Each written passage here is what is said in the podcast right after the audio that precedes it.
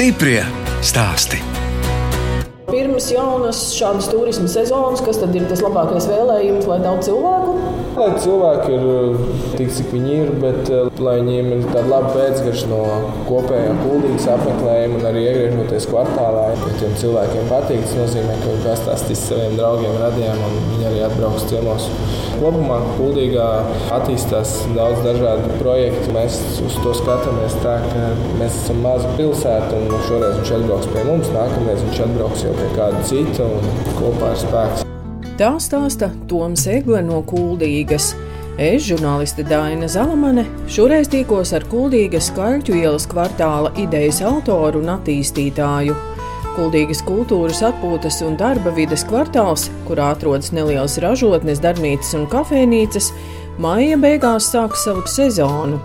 Toms Eglis stāsta, ka bērnību pavadījis netālu no Kuldīgas, Vilgāles pagastā. Pirmie septiņi gadi bija laukos, Omē bija kūts, kā jau kādreiz jālauka cilvēkiem. Un, uh, bija govis, bija savs piens, omai bija tur pienmašīna, un skāputra bija, un uh, vistas bija, un sava cūka bija, gaļa bija. Sienu vācām, un kartupeļi bija, un savs dārsts bija, un malkas šķūnis bija, un malka bija jāgatavo.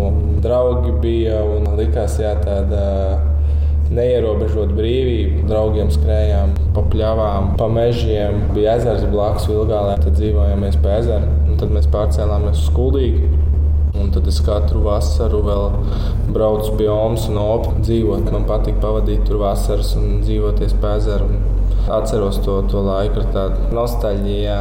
Skaidrs, ka bija kaut kāda darbiņa, ko varbūt nepatika darīt, bet uh, kopumā tas laiks ir ļoti pozitīvām atmiņām. Mana omija vēl dzīvo tur un, un opsta Vilgālē. Un kādas atmiņas par dzīvi Kuldīgā?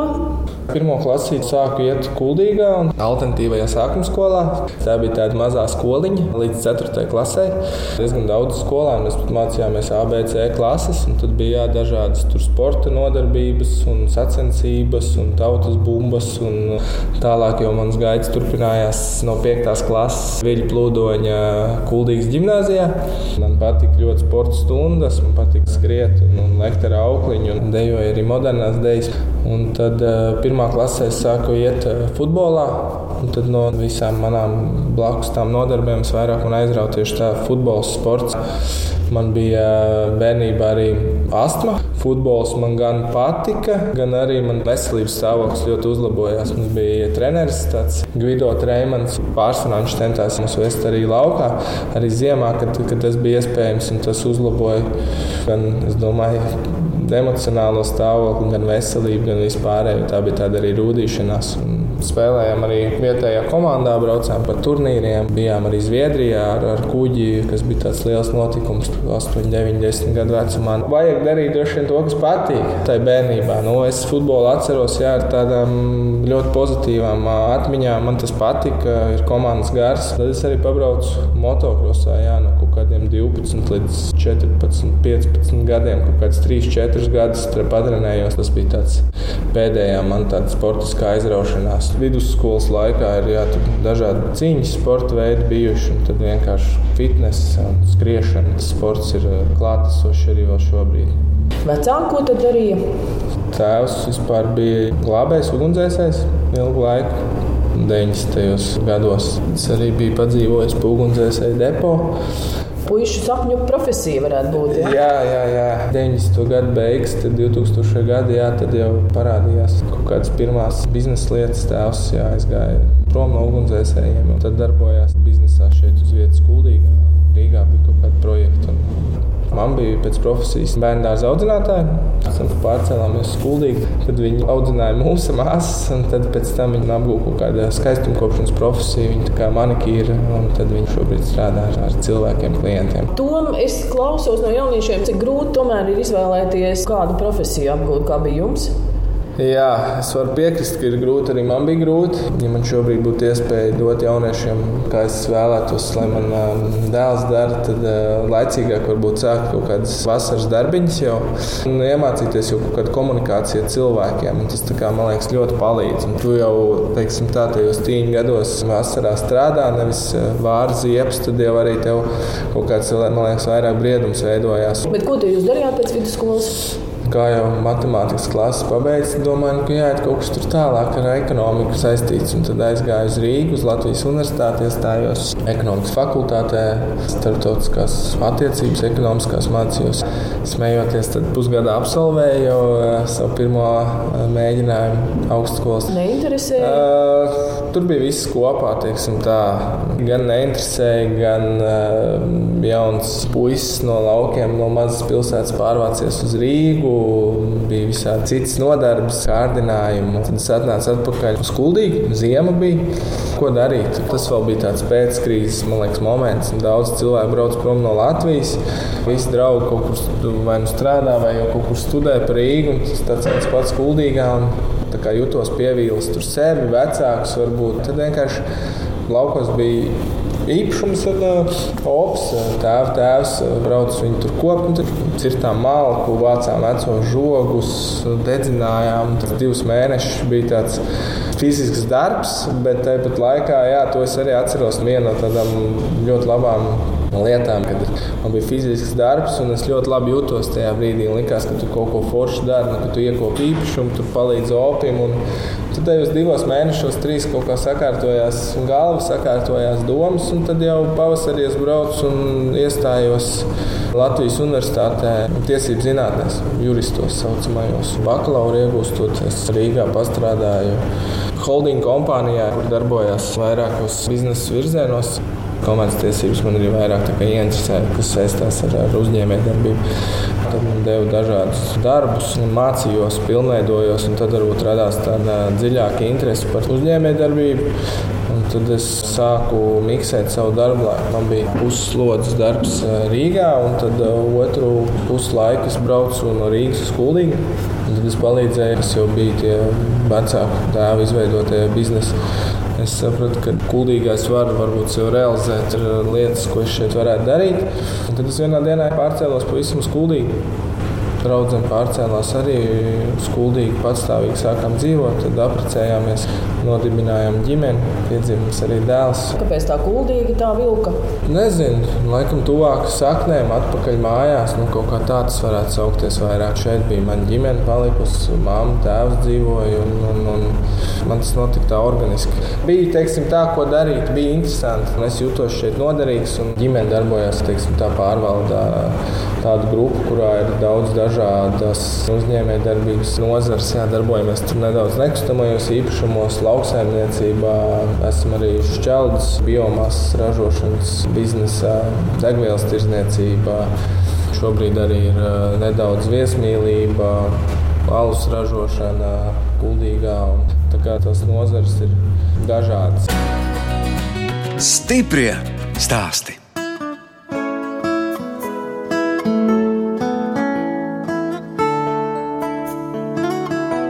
Jūs klausāties redzējumu stipri stāstī. Turpinot ciemoties pie Toma Egles Kuldīgā. Viņš ir Kaļķu ielas kvartāla idejas autors un attīstītājs un stāsta, ka kvartāla ideja radusies meklējot kuldīgā piemērotu vietu nelielai alus darītavai. Šeit kādreiz padomu laikos ir bijis autotransporta uzņēmums ar eh, pat 500 darbinieku kolektīvu. Liels uzņēmums priekškuldīgs. Šeit bija visi taksometri, pašizgāzēji, starppilsētu autobusi, viss, kas saistījās tajā laikā ar automašīnām, tehniku. Un eh, vienā no ēkām bija plānots izveidot tālus darītavu, tad sākām viņu lēnām renovēt. Un tad man uzrunāja viens no pirmajiem eh, Edgars Rēķins, kurš atvēra savu grāmatu darbnīcu. Viņš arī kaut ko interesantu redzēja šajā teritorijā, kas atrodas tieši blakus vēsturiskajam centram.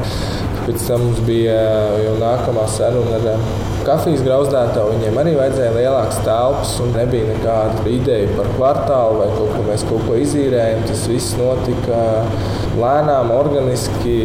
Cilvēki kaut kā man atrada, kuldīgā uzrunāja. Un tur, principā, lielāko daļu telpu mēs esam izrenovējuši un pielāgojuši jau konkrētam īrniekam. Mums nav bijis tāds gadījums, ka mēs remontētu un tad meklētu, kam šīs telpas piedāvāt. Pāris mājas ir pirmskara.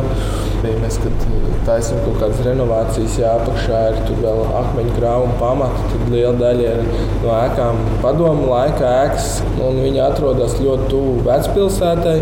Tas, ko mēs varbūt esam izdarījuši, tas viss kopā arī radīja varbūt tādu miedarbību, kad cilvēkiem šeit gan patīk atpūsties, gan patīk arī strādāt. Kaļķu ielas kvartālā liela daļa teritorijas jau sakārtota un ceļi nobruģēti. Labdien!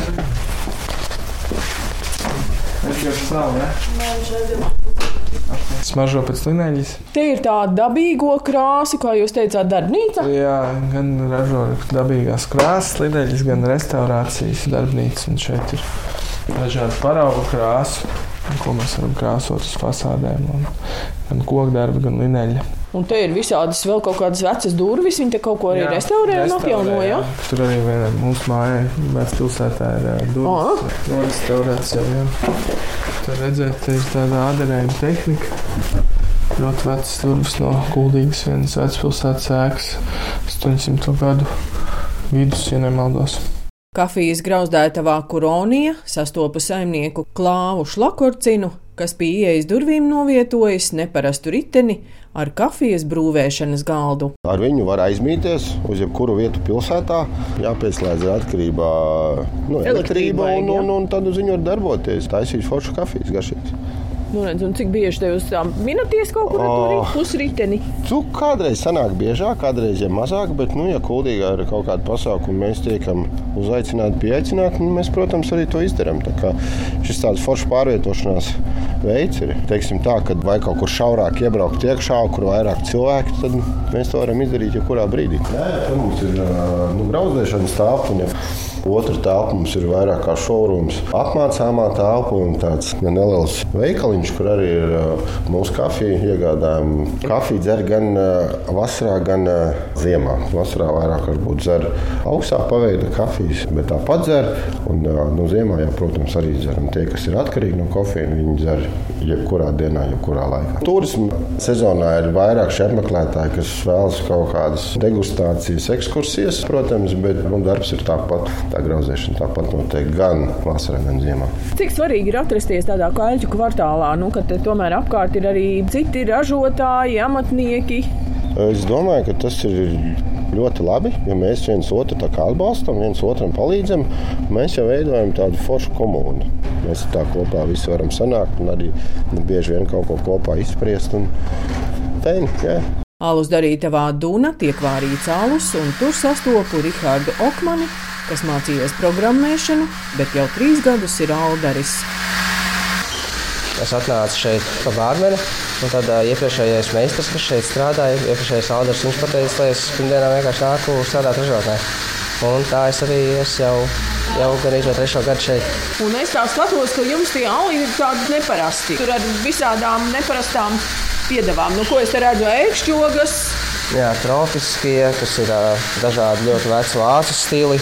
Principā no visas pasaules paņemti alu stili, kurus arī mēs paši uzlabojam. Tā kā amerikāņu alus, bet ar Latvijas ogām. Tieši šajā nedēļā nāks ārā kuldīgas alus, kas būs tieši priekš kuldīgas domāts. Tas būs Čehu pilzena. Tas ir arī tās savērā tradicionāls alus stils no Čehijas. Pavisam vienkārši 5 grādi un mazliet rūkstošs. Un kurš ir visiecienītākais cilvēks vidū? Šis te tumšais. Ipa. Jā, ipa, jā. Tas ir sešgrādīgs salus, un viņam ir izmantot pieci dažādi apiņi, tādā veidā iegūstot eksotisks un florāls aromāts. Un arī mazliet garš, un viņš arī mazliet tūkstins ir. Kā tas ir? Nu, redz, jums ir tā alus ražotne tāda, ka te var ienākt cilvēku un apskatīt, kas notiek. Tas Netraucēja darbā? Uh, galīgi nē.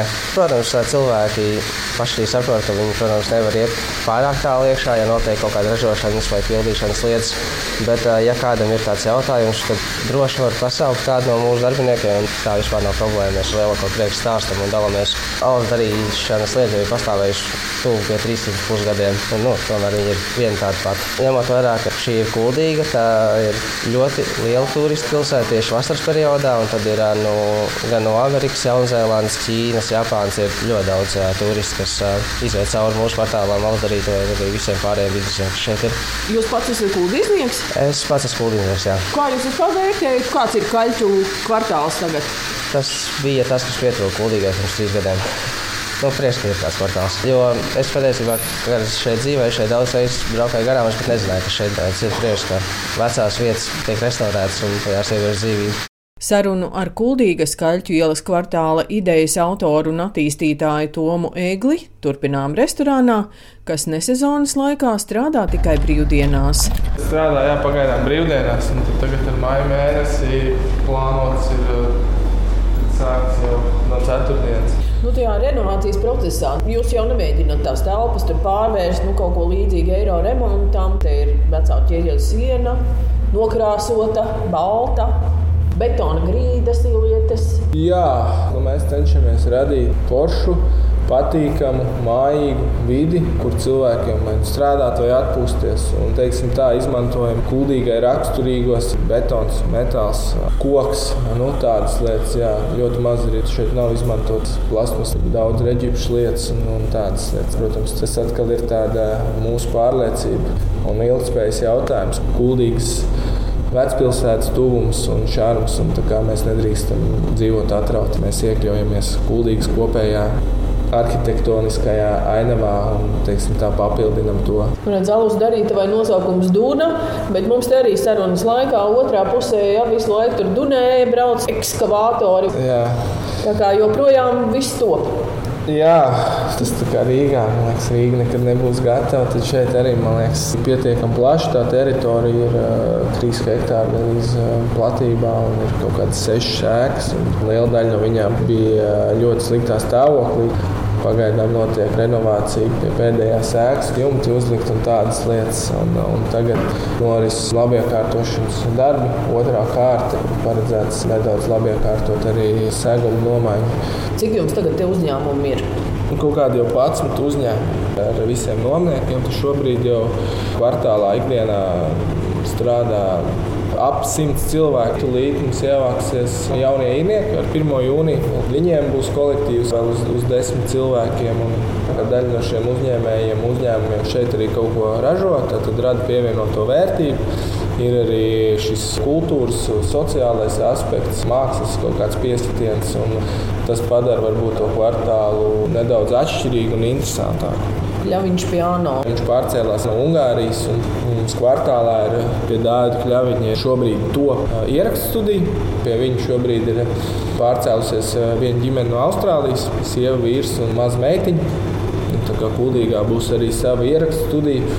Un, cik man zināms, viņiem jau ir uh, rezervācijas. Pie viņiem brauks ārvalstu mūziķi, pianisti. Visi veidi mūziķi varēs braukt arī grupas un ierakstīties. Tas šobrīd viens no pēdējiem projektiem, kas tūlīt, tūlīt kvartālā dzims. Un fotostudija būs tūlīt gatava vieniem nomniekiem, un, un arī būs fotostudija, ierakstu studija. Šeit var kafiju iedzert un kombuču. Kombuču vairāk nav. Interesants, ka citu uzņēmumu auga attīstās, viņiem ir vajadzīgs kaut kas savādāks, jeb lielāks. Un, un arī nevienmēr viss biznesa ir veiksmīgi, un tas laikam ir noticis tikai tiešām ar, ar, ar vieniem, diviem nomniekiem, bet uh, lielākais tas kodols, jeb tie uzņēmumi, kas šeit ir no, no paša sākuma, viņi arī šeit ir šobrīd.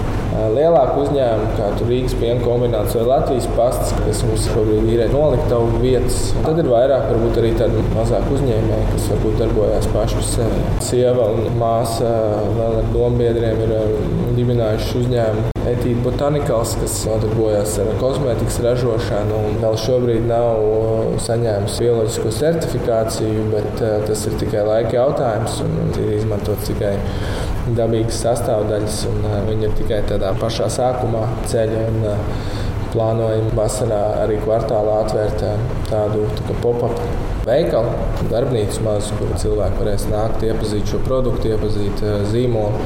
Ir vēl viena dabīgās kosmētikas ražotne. Nu, kā tad ar tām nomas maksām? Kāda ir tā jūsu politika?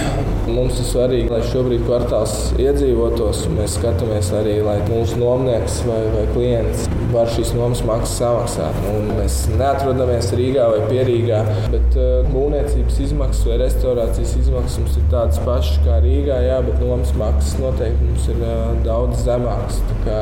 Tas ir izaicinoši, bet gribās kaut kādā mērā pabeigt to projektu. Gatavojoties vasaras sezonas atklāšanai, Kaļķu ielas kvartāla pagalmā jau novietotas klavieres, un tās spēlē Aija Alsiņa. Aija, nu kā šīs klavieres skan? Skan, bet vajag noskaņot. bet viņas ļoti labas, vecās Rīga laikam. Jā. Jā.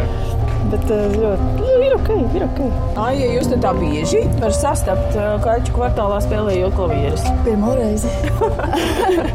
Šodien iebraucu kultīgā, domāju, jāatnāk ciemos, jāaprunājās, un uh, mēs plānojam, ka vasarā varētu uzspēlēt. Es spēlēju pati savu mūziku, pati komponēju, es savus skaņdarbus spēlētu. Riedziniekiem patīk kuldīgi, vai ne?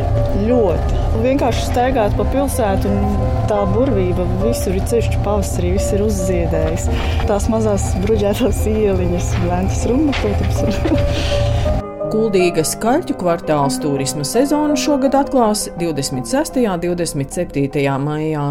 Piektdienas ir koncerts, un sestdienas ir vairākas aktivitātes, kas paredzētas ir gan alus darītavā, gan kafijas brauzdātavā. Būs kaut kādas kā atvērto durvju dienas, un būs arī holandiešu, ja nemaldos, vai vācu pianista koncerts kvartālā. Sestdienas 27. un vakarā mums būs DJs, kas spēlēs uz vinilu platēm kā mūziku. Un sezona beidzas oktobrī? Aktīvā sezona noteikti jau mēs jūtam, ka cilvēki paliek mazāk. Tas ir augusts vidus. Nu, august, līdz augusta beigām vēl, vēl šeit mēs aktīvi strādājam. Tad, jā, septembris jau ir klusāks. Cilvēki brauc vairāk uz brīvdienām, baudīt zelta rudeni kuldīgā. Šogad ir jāstrādā pie tā, lai mēs arī varētu izklaidēt kuldīgas kvartāla viesus ziemā. Dārgais Kļaviņš ir atvērs to koncertu zāli. Ziemā jau notika koncerti, un es domāju, ka koncerta zāle darbosies. Arī tad, ziemā, ziemā cilvēki varēs braukt gan ciemos uz Kultūru, gan arī ciemos uz kvartālu. Nu, un vasarā tad notiek šeit pagalmiņā, ja? koncerti. Vasarā notiek pagalmiņā koncerti, jā, bet es domāju, ka Dārvids arī taisīs koncertus koncerta zālē pie sevis. Tā kā es domāju, ka būs gan gan. Stiprie stāsti!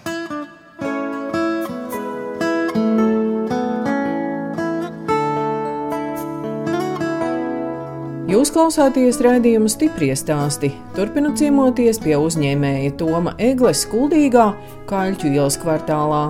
Toms stāsta par vienu no saviem, kā viņš pats saka, vaļaspriekiem lauksaimniecību. 250 hektāri tiek apsaimniekoti bioloģiski. Mums ir uh, mazs briežu dārzs, ap simts kaut kur viņi, un uh, viņi šobrīd vairojās un, un paplašinās. Un tad uh, lēnām garām mēs domājam, ko ar viņiem darīt. Lielopu nedaudz ganāmpulks, tāds skotu Highland govs. Tad, Tas ir tām milzu ragiem. Jā, tas rudās ar milzu ragiem. Tas vairāk bija tāds, lai iekoptu platības. Arī tas skotu Highland govs bija ņemts un bija ļoti aizauguši lauksaimniecības zemes vai nekopts. Tad mēs apvelkot žogu varam padarīt ļoti labu ainavu. Un otrkārt, tas skotu Highland govs salīdzinoši mazāk prasa uzmanību kā pārējie lielopi. Viņiem ļoti vietas dzemdības un, un viņi dzīvo visu caur gadu laukā. Tāpēc tā bija tāda hobija, jeb slinkā saimniekošana, kā mēs sakām, tad uh, izvēlējāmies viņus. Pagājušajā gadā arī iegādājāmies traktoru tehniku, un zemes apstrādes tehniku un kombināciju. Tad mēģināsim arī apsēt kaut kādus laukus šogad ar griķiem, zirņiem un, un auzām. Bioloģiskā saimniecība. Un kāpēc bioloģiskā? Tā pārliecība laikam tomēr ir. Gribās dzīvot saskaņā ar dabu vidi vairāk un arī domājot par mūsdienu globālajām problēmām, ilgspēju un vispārējo, tad bioloģiskā saimniekošana noteikti mums ir tāda tuvāka no biznesa viedokļa. Nevienmēr viņi ir varbūt tik veiksmīgi un un izdevīgi, bet paši darbojamies, paši sējam. Negribējās braukt, kaisīt minerālu mēslus. Toms vēl stāsta par piecus gadus veco dēlu Ernestu un sievu Karlīni. Sieva ir līdzniece, viņa ir dzimusi Imantā un bērnības gadus pavadīja Mārpē. Karlīna ir uh, bijušā autosportiste ar iepriekšēju uzvārdu Karlīna Štāla. Nu, kā viņai kuldīgi patīk? Patīk, man liekas, ka ir, ir iedzīvojusies. Droši vien tas sākumā grūtāk, kā visiem ir jāpielāgojas. Tu esi prom varbūt no ģimenes, draudzenēm, bet uh, sešus gadus jau bijām pilnvērtīgi dzīvojam Kuldīgā. Tas attālums ir nu, pusotras stundas brauciens, divas stundas. Tas mūsdienās, man liekas, nav nekas tāds. Kā no viena Rīgas gala līdz otrai reizēm. Ja? Tāpat braucam ciemos regulāri pie viņas vecākiem uz Māru. Viss kārtībā. Nu, tad pieminam to jūsu Ernestu, kam pieci gadi. Jā. Ernestam arī futbols patīk. Ernestam futbols nepatīk. Ernestam patīk vairāk dabā. Tad pamēģinājuši esam arī sporta dažādas treniņus, gan futbolu, gan vieglatlētiku. Šobrīd Ernestam patīk vieglatlētika. Viņš labprāt iet uz vieglatlētikas treniņiem. Māli viņam ļoti patīk, un, un zīmēt un tādas lietas. Viņš ir nu, tāds, mākslinieks. Nu, jā, cerēsim, ka būs arī kāds mākslinieks mums ģimenē. Jā. Visiem es vienmēr arī vaicāju par vaļaspriekiem kādus pāris gadus atpakaļ tas bija futbols, kad es vēl spēlēju arī tur vietējā komandā, vai man patika tur uzspēlēt šeit tad, tādos novadu čempionātos ar vecajiem treniņu biedriem. Tagad tas mazāk paliek, tad ir eh, ģimene jāaudzina bērns un, un tādas lietas. Bet nu, man patīk ceļot, man patīk staigāt, eh, patīk būt dabā. Mums ir arī kaut kāda lauka īpašumi, meža īpašumi. Tad eh, bieži vien ir jābrauc uz tiem, jāsteigā, jāskatās, jāpārbauda. Tā ir tā varbūt šobrīd tāds hobijs, kas ir. Un ar ģimeni arī kopā izbraucam dažādos izbraucienos, kopā braucam tuvākām, tālākām ārzemēm, ceļojam jā, ar ģimeni. Pēdējās vasaras diezgan intensīvas ir aizgājušas darbā tieši kvartālā cenšamies to rudens, ziemas sezonu kaut kā izbaudīt. Jā, piemēram, slēpot aizbraukuši. Kā... Nu, un sieva tām mašīnām arī brauc? Nē, vairs nebrauc tā aktīvi. Ir kādreiz kaut kādi amatieri, hobiji, kaut kādi pasākumi. Kādi vēl sapņi? Sapņiem jau nevar baigi skaļi teikt visiem, tas nepiepildīsies tāds ticējums. Bet, eh, nu, kvartāla kontekstā, jā, ir kaut kādi, nu, nesauksim viņus par sapņiem, sauksim viņus varbūt par mērķiem, jau vīzijām. Ir jāpabeidz eh, šogad pavasarī iesāktie darbi, bet tas mērķis ir attīstīties katru gadu solīt pa solītim augt un, un pārsteigt varbūt tos viesus, kas atbrauc ciemos ar dažādiem lielākiem, mazākām pārmaiņām, kas notiek kvartālā. Šogad mēs esam izveidojuši basketbola grozs, kur mēs uzliksim kaut kur kvartālā tāda forša, sportiski patīkama aktivitāte. Un, un bērniem domājam kaut kādas jaunumus kvartālā, tā kā lēnā garā viss, viss top un attīstās. Jāpastrādā, jāuzzina bērni, jāizglītojas, jābūt galvenais, man liekas, labam cilvēkam. Tad jau viss būs kārtībā. Biznesā var būt vienmēr labs cilvēks jācenšas liekas, būt tādam patiesam un, un godīgam. Tas kā, man liekas, ilgtermiņā vienmēr atmaksājās. Svarīgākais ir spēt uzticēties cilvēkiem un spēt atrast atbildīgas komandas, kas to visu īsteno. Ja tas viss strādā, tad ir ir viegli. Protams, ir brīži, kad neiet tā kā plānots, un tad ir jāiesaistās varbūt vairāk, un ir kaut kādas liekas stresa situācijas, bet tas ir tikai normāli. Un tomēr, kāpēc tā kuldīgi tomēr tik svarīgi? Krīzes laikā neaizbraucāt prom, atgriezāties šeit no Rīgas. Kuldīgi ir labākā vieta, kur dzīvot, audzināt bērnus, veidot savu dzīvi. Man, man šeit viss apmierina, patīk. Un Kuldīga arī tikko ir dabūjusi balvu draudzīgākā pašvaldība ģimenēm ar bērniem, man liekas, Kurzemes reģionā.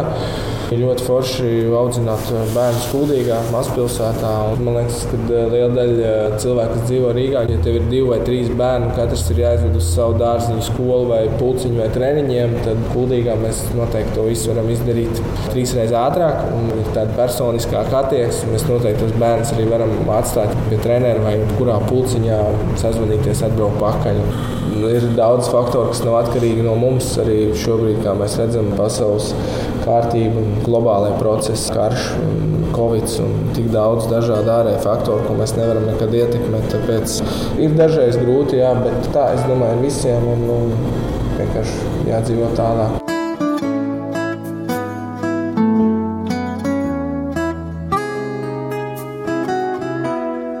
Redījums stipri stāsti izskan, un mēs atvadāmies no uzņēmēja Toma Eglis, kas ir Kuldīgas Kaļķu ielas kvartāla idejas autors un attīstītājs. Viņa ģimene darbojas vairākās biznesa jomās, arī lauksaimniecībā. No jums atvedās žurnāliste Dāna Zalamane un operātore Inga Bēdelē, lai tiktos atkal tieši pēc nedēļas.